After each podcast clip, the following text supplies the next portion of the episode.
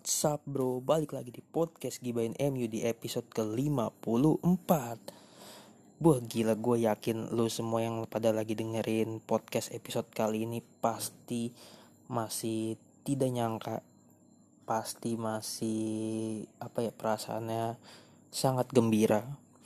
Bagaimana mungkin Manchester United yang saat drawing penyisian grup Liga Champion masuk grup H bersama PSG bersama Red Bull Leipzig dan Istanbul Basaksehir itu MU digadang-gadang diprediksi bakal jadi bulan-bulanannya PSG sama RB Leipzig. Tapi faktanya, faktanya nih di dua laga awal grup H Liga Champions musim ini Manchester United menyapu bersih mengalahkan PSG dan Red Bull Leipzig. Wah gila, ini sungguh-sungguh di luar prediksi yang mungkin membuat para pandit sepak bola, para pengamat sepak bola tidak menyangka akan hal ini. Menang 2-1 minggu lalu di Paris dan dini hari tadi berhasil menang telak. Gua sendiri juga nggak nyangka. Gua pikir pertandingan mungkin kalau menang tipis 1-0, 2-1, bahkan mungkin bisa imbang atau kemungkinannya yang paling nggak kita pengenin ya kalah karena lo pada tahu sendiri kan penampilan Man United di kandang di laga kandang itu lagi nggak bagus terutama di musim ini. Setelah kalah 1-3 dari Palace terus kalah 1-6 dari Hotspur dan seri 0-0 lawan Chelsea tapi dini hari tadi semua prediksi dan semua itu dibalik. Kemenangan 5-0 permainan yang fantastis. Gua nontonnya sangat-sangat terhibur terutama di babak pertama ketika umpan Pogba untuk golnya Mason Greenwood di menit ke-21 itu benar-benar skillnya Greenwood yang luar biasa ya. Gue pikir tadinya offset ternyata tidak. Gol 1-0 setelah gol sebenarnya si Leipzig ini memainkan high press yang cukup tinggi. Sehingga United ditekan habis-habisan. Kalau lo lihat apa setelah unggul 1-0 Man United itu dikurung sama RB Leipzig. Ya kan? Sesekali MU bisa lepas keluar dari tekanan lewat serangan balik meskipun banyak gagalnya. Lebih sering dikurung sama RB Leipzig tapi yang paling gue suka selama babak pertama ini adalah penampilan para back-backnya Man United, terutama fullbacknya, Aaron Wan Bisaka. Itu dia beberapa kali berhasil apa ya membuat pemainnya Red Bull Leipzig siapa namanya? Anje Angelino kalau gue nggak salah. Itu beberapa kali gagal buat masuk ke kotak penalti. Tackle-nya luar biasa interceptnya bagus banget Wan Bisaka itu. Penampilan dua pertama benar-benar bikin gue salut. Luke Shaw juga oke okay, penampilannya Lindelof Maguire. Wah gila gue tidak menyangka kalau ini belakang MU bisa tampil sesolid itu melawan RB Leipzig. Padahal RB Leipzig sendiri memainkan high press yang tinggi mereka mengurung Man United. Mereka juga sempat mendapat beberapa peluang cuman finishingnya emang jelek banget. RB Leipzig ini kan di klasmen sementara Bundesliga yang udah main 4 atau 5 pertandingan mereka pemimpin klasmen dengan 13 poin kalau gue nggak salah lihat di bawahnya ada Bayern Munchen. Jadi semalam itu di hari tadi itu Man United berhasil mengalahkan pemimpin klasmen sementara Bundesliga musim ini. Peringkat 15 Premier League mengalahkan pemimpin klasmen Bundesliga. Luar biasa.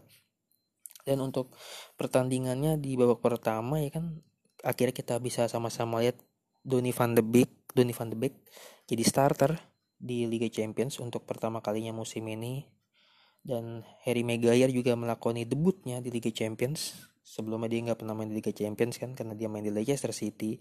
Dan di pertandingan lawan PSG kemarin dia nggak ikut nggak berangkat ke Paris. Jadi baru dini hari tadi Maguire melakoni debutnya di Liga Champions dan menang 5-0 wow. Dan Van de Beek permainan di babak pertama ya so-so menurut gua. Dia apa ya dia menggantikan posisinya Bruno Fernandes ya kalau gua nggak salah. Dan yang gua nggak nyangka gue pikir Scott McTominay akan kembali duet sama Fred. Ternyata enggak uh, Fred berduet sama Nemanja Mat Nemanja Matic. Matic di babak pertama udah kena kartu kuning aja. Dan Fred ini soal Fred loh. Fred ini mungkin gue sendiri melihat permainan Fred nggak bagus-bagus amat ya. Salah passing mungkin. Tapi cara dia memutus serangan RB Leipzig ini Fred nih wah gila. Ini mungkin Fred tuh nggak kelihatan secara permainan apa ya secara apa olah bola baiknya. Mungkin lebih sering salah passing tapi lo lihat hampir dari 5 gol United di pertandingan tadi ada peran Fred di awal sebelum gol itu. Jadi Fred ini bener-bener apa ya kayak siluman loh. Apa ya nggak kelihatan. Apa kelihatannya mainnya jelek tapi sebenarnya dia memerankan apa apa yang diinstruksikan sama Ole untuk dirinya dengan baik menjalankan perintahnya Ole dengan baik di lapangan. Ya kita ngeliatnya mungkin permainannya yang nggak bagus-bagus amat tapi sebenarnya instruksi dia emang bukan buat main bagus. Dia buat apa memotong aliran serangan buat kayak penghubung ya penghubung antara lini belakang ke lini serang. Fred itu benar-benar ya bahkan setelah tadi gue lihat pas gue rekaman episode kali ini Fred itu masuk nominasi uh, tiga pemain terbaik Man United bulan ini. Gue lupa sama Marcus Rashford apa. Kalau nggak salah ada tiga kandidat. Gue tadi yang gue ingat cuma Fred doang dia masuk. Dan gue bilang sangat layak ya. Sangat sangat layak kalau Fred memang terpilih sebagai pemain terbaik Man United bulan ini. Sangat sangat layak menurut gue pribadi. Karena memang perannya nggak begitu kelihatan kalau secara ini ya secara permainan ini ya. Tapi ya perannya dia tuh emang kayak gitu si Fred itu. Pemain enggak emang bukan buat main bola-bola indah bukan buat main sepak bola secara bagus. Dan uh, Martial seperti biasa angin-anginan di babak pertama. Ya gue nggak tahu Martial emang lagi punya masalah apa di rumah tangganya mungkin. Dan babak pertama berakhir 1-0 uh, gue pikir babak kedua Leipzig bakal lebih apa ya lebih menekan Man United. Dan babak kedua dimulai uh, um, apa namanya RB Leipzig tetap apa menyerang tetap mengurung Man United. Sampai akhirnya di menit 63 kalau gue nggak salah Marcus Rashford masuk sama Scott McTominay. Mereka masuk kayak McTominay itu gantiin siapa ya? Gue lupa tuh gue nih banyak lupanya padahal gue nonton pertandingannya full gantiin mati atau siapa pokoknya McTominay McTominay gantiin mati kayaknya. McTominay McTominay akhirnya main duet sama Fred lagi di tengah. Rashford masuk. Lalu di menit 67 atau 68 Bruno Fernandes akhirnya masuk. Ini Fernandes apa ya untuk pertama kalinya apa enggak ya bukan pertama kalinya musim ini dia nggak main start kayaknya di Carabao Cup dia sempat jadi masuk di bench juga ya Fernandes masuk gantiin Van de Beek. Dan ya permainan lebih hidup dengan adanya Bruno Fernandes kembali lebih terlihat dan puncaknya terjadi di menit 74 kalau gua nggak salah ya 74 jadi RB Leipzig ini kan benar-benar ngurung Man United ya sehingga mereka meninggalkan space di bagian lapangan mereka sendiri setengah lapangan mereka sendiri itu kosong karena mereka fokus menyerang United. Karena saat itu skor masih 1-0 artinya kan masih bisa untuk menyamakan kedudukan 1-1 tapi ada sebuah momen di mana Bruno Fernandes berhasil mengirim umpan terobosan untuk Marcus Rashford dan dengan lari Maskor Maskor Marcus Rashford mengejar bola itu. Dan sebenarnya kalau lo nonton pasti lo lihat hakim garis udah ngangkat bendera kalau Rashford itu offside tapi ini tapi si Rashford tetap menggiring bola itu sampai ke depan kipernya kipernya Leipzig dan bola itu tendang gol masuk. Dan Rashford sempat selebrasi tapi ngelihat hakim garis ngangkat bendera offset ya. Udah nggak jadi gol. Dan gue pikir tadinya Rashford bakal kena kartu kuning karena apa wasit hakim garisnya udah ngasih tanda offset. Tapi pas Rashford masuk di uh, tengah ya di lini tengah di lapangan bagian tengah itu udah wasit angkat bendera offset gue pikir Marcus Rashford bakal kena kartu kuning. Karena tetap giring gol ternyata setelah itu justru wasit cek VAR. Dan hasilnya ternyata gol. Gila gol. Ternyata Rashford itu belum masih ada di wilayahnya sendiri setengah lapangan wilayahnya sendiri di garis belum ngeliatin garis yang tengah lapangan itu ya. Jadi dihitungnya nggak offset dan wah gila. Itu ekspresinya Rashford bener-bener ketawa gitu kayak ngeledek gitu. Dan gue pun juga kaget kalau itu gol dan jadi inti dari golnya Rashford tersebut adalah se apa ya, di semenjak ada VAR ini. Jadi ketika lo wasit hakim garis ngangkat bendera offset ada baiknya lu giring bolanya aja terus sampai gol gitu. Kalau ada peluang kayak Rashford gitu ya masukin aja bolanya dulu. Siapa tahu siapa tahu nih nanti dicek sama VAR dan ternyata nggak offset kayak momen di Rashford ini gitu dan gue sendiri nggak nyangka itu gol 2-0 ya apa? Gue pikir itu adalah salah satu kill the game karena mau tidak mau Leipzig akan mengurung MU benar-benar habis-habisan nothing tulus untuk menyerang karena posisi sudah 2-0 menit 75-an tapi ada satu momen sebuah kesalahan backnya Leipzig gue lupa namanya siapa itu di pokoknya dia salah mau salah passing atau di, di akhirnya direbut sama Rashford. Dan lagi-lagi ini bukti kemampuan individualnya Rashford. Dia dengan gocek gocek sekali dua kali dan tendang dengan gaya ciri khasnya dia membuat Man United unggul 3-0 di menit 76 dan gila gue bener-bener apa ya nggak nyangka United bisa unggul 3-0 sama RB Leipzig. Yang sebelumnya digadang-gadang United bakal dibantai, bakal kalah lah sama Leipzig. Banyak bahkan pandit-pandit sepak bola banyak yang prediksi MU bakal tumbang di tangan RB Leipzig. Dan ternyata semua prediksi itu terbalik.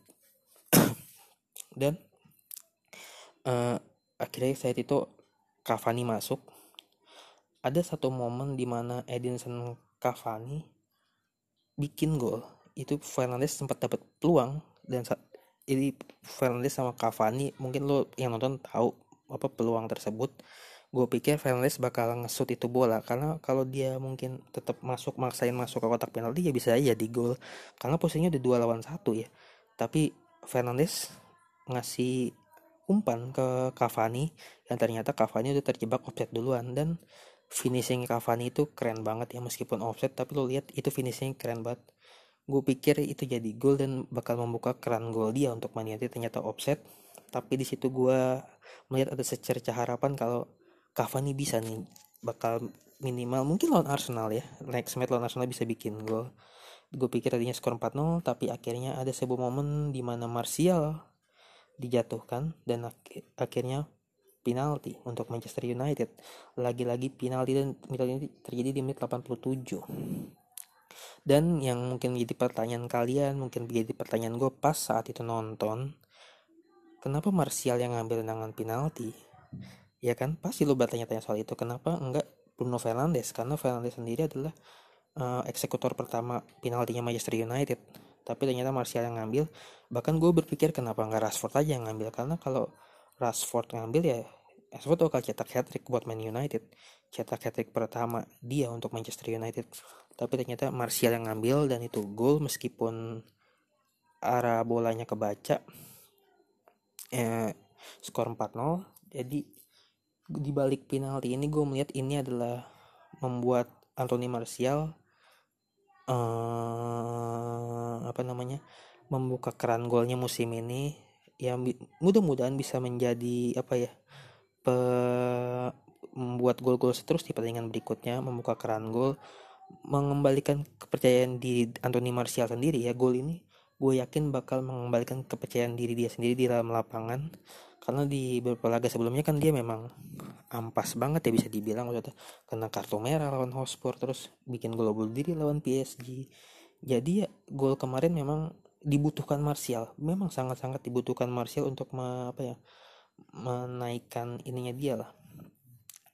Dan itu juga tidak apa tidak keegoisan tidak ada keegoisan seorang Marcus Rashford ya mungkin kalau Rashford egois ya bolanya dia ambil sama dia. Mungkin dia minta yang dia nendang penalti untuk jadi hat tapi akhirnya memang Marcus Rashford ditakdirkan untuk mencetak hat di pertandingan dini hari tadi di pertandingan lawan RB Leipzig.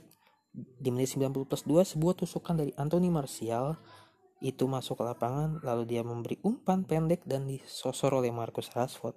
5-0 5-0 gila di menit 90 plus 2 5-0 akhirnya Martial ngasih asit buat Marcus Rashford. Ya seperti kayak menjawab pertanyaan ya kenapa Rashford yang penalti? Ya ini jawabannya dari Martial. Lu gak usah ngambil penalti deh. Nih gue kasih asis aja lu cetak gol. Jadi lu hat trick lu bener-bener gol murni semua ya bukan dari titik putih. Semua golnya berawal dari open play bisa dibilang gitu.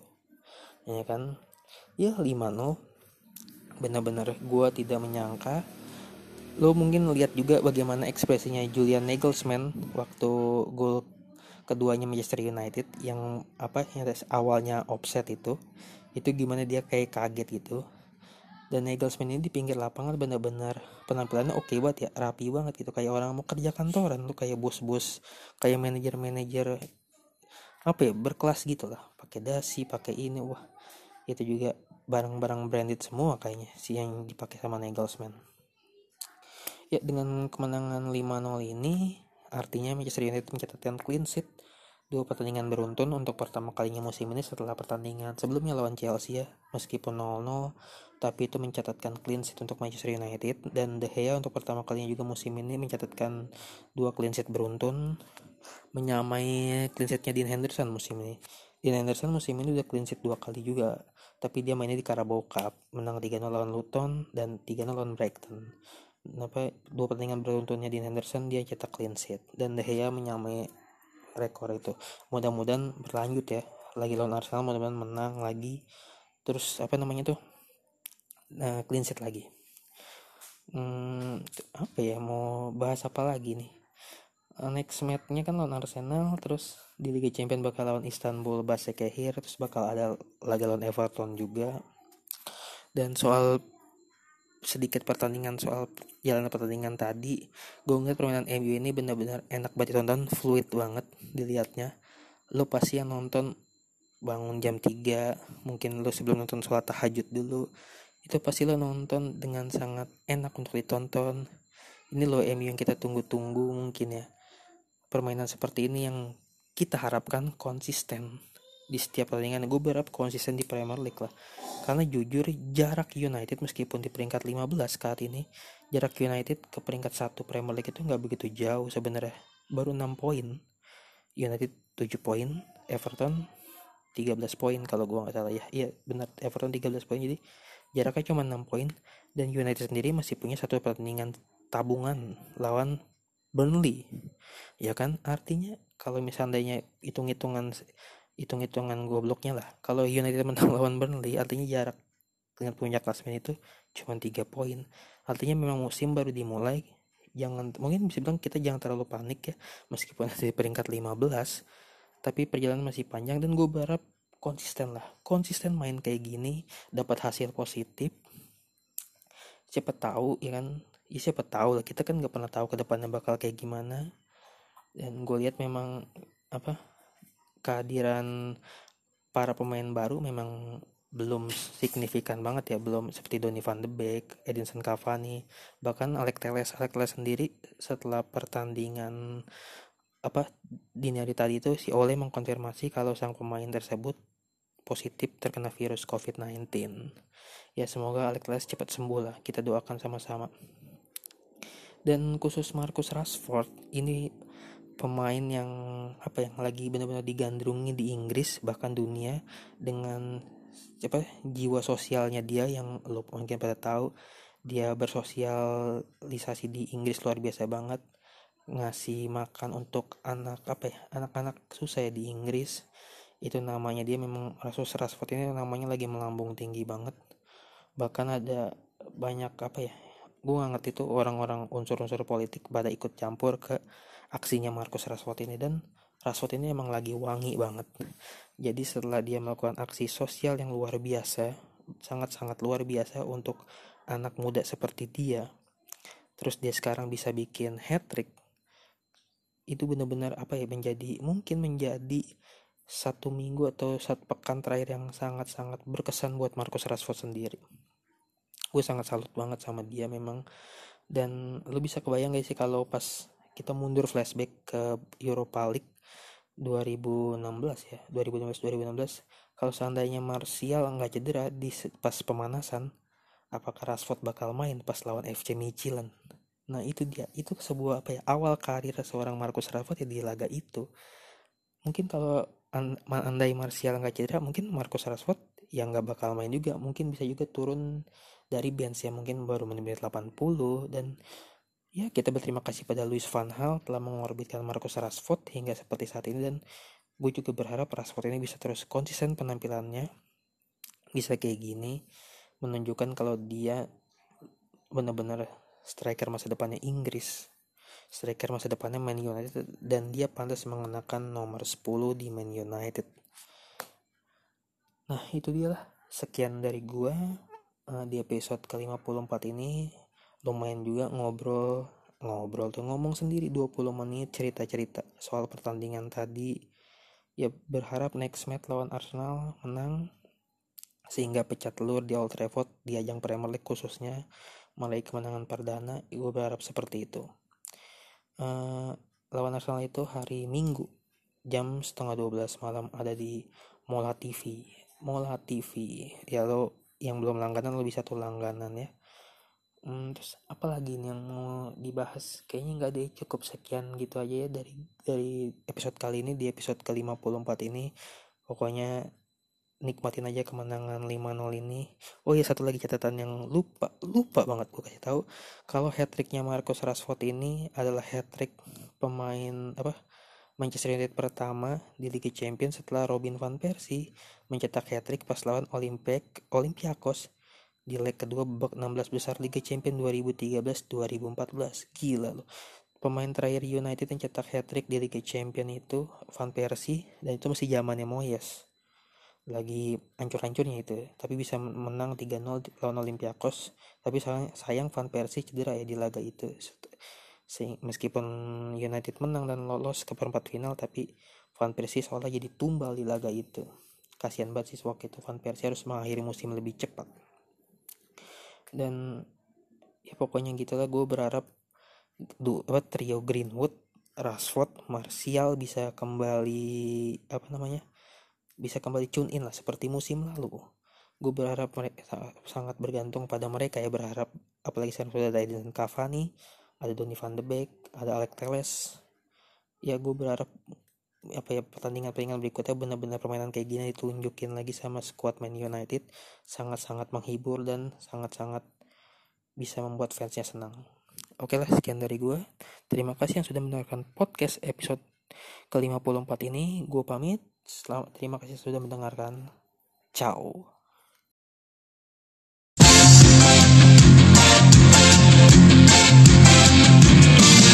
Setiap saat bayang